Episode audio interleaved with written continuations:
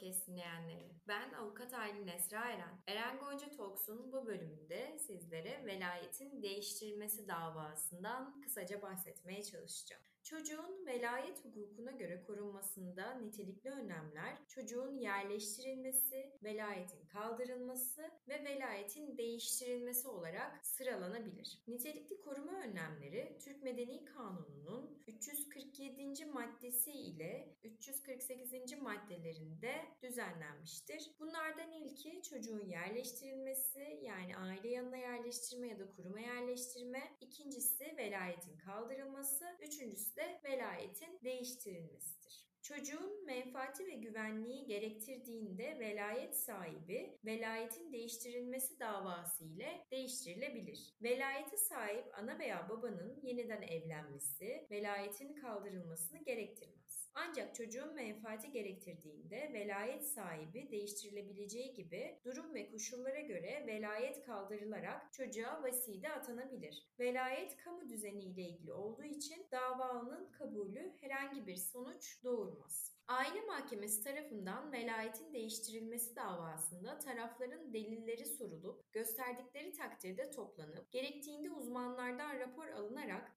sonucu uyarınca velayet düzenlemesi yapılması gerekir. Velayetin değiştirilmesi davasında yeterli idrak gücüne sahip çocuğun ifade ettiği görüşe onun yüksek yararına açıkça ters düşmedikçe önem verilmelidir mutlaka. Dava konusu çocuk inceleme anında ergin olmuşsa davanın konusu kalmadığından bu hususta karar verilmesine yer olmadığına karar verilecektir. Velayetin değiştirilmesi davası hakkında Yargıtay 2. Hukuk Dairesi'nin ve Yargıtay 8. Hukuk Dairesi'nin vermiş olduğu emsal niteliğinde kararlar bulunmakta. Bunlardan bir tanesi şöyle der. Velayetin değiştirilmesi davasında çocuğun üstün menfaati doğrultusunda bir karar verilmesi gerekir. Mahkemece davacı annenin tedavi gördüğü merkezler araştırılarak tedavi belgeleri getirtilip dosya bir bütün halinde 4787 sayılı aile mahkemelerinin kuruluş, görev ve yargılama usullerine dair kanunun 5.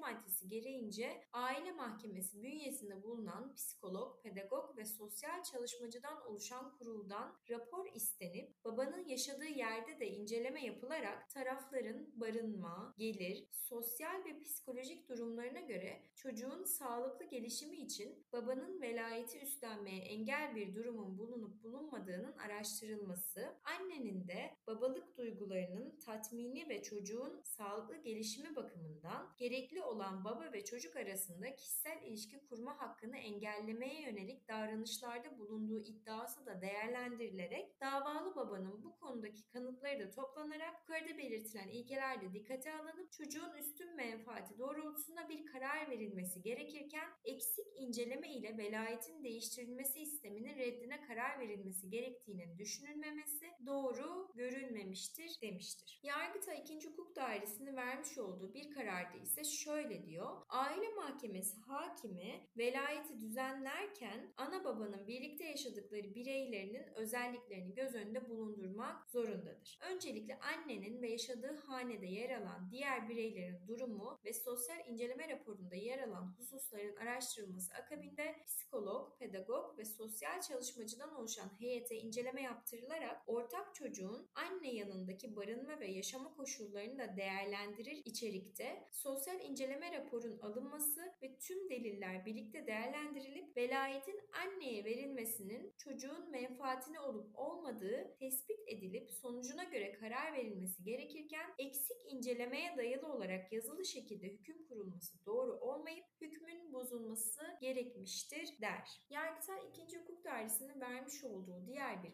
kararda ise çocuğun bulunduğu ortama alışmış olması velayetin değiştirilmesi için bir sebep oluşturmaz demektedir. Müşterek çocuk 21.03.2011 doğumlu olup boşanma kararıyla velayeti davalıya bırakılmış. Karar 8.3.2013 tarihinde kesinleşmiş. Eldeki dava ise 19.06.2013 tarihinde açılmıştır. Mahkemece velayetinin davalıdan alınmasını gerektiren bir durumun mevcut olmadığı, davalının Mardin'de kendi yaşam ortamında ve şartlarında çocuğuyla yeterince ilgilendiği kabul edildiği halde çocuktaki geniş deniz eti sorununun giderilmesi için davalının herhangi bir girişimde bulunmadığı, İzmir'de bulunan davacı baba yanında çocuğun sağlık sorununun çözümlenmesinin sağlık imkanları bakımından daha kolay ve elverişli olacağı gerekçesiyle velayetin davalıdan alınarak davacıya verilmesine karar verilmiştir. Davacının kişisel ilişki tesisi için 3-6-2013 tarihinde çocuğu alıp İzmir'e götürdüğü bir daha davalıya teslim etmediği toplanan delillerden anlaşılmaktadır. Çocuğun sağlık sorunlarına kayıtsız kaldığına ilişkin bir delil mevcut değildir. Çocuğu ile yeterince ilgilendiği mahkemece de esasen kabul edilmiştir. Çocuğun baba yanındaki yaşam ortamına uyum sağlamış olması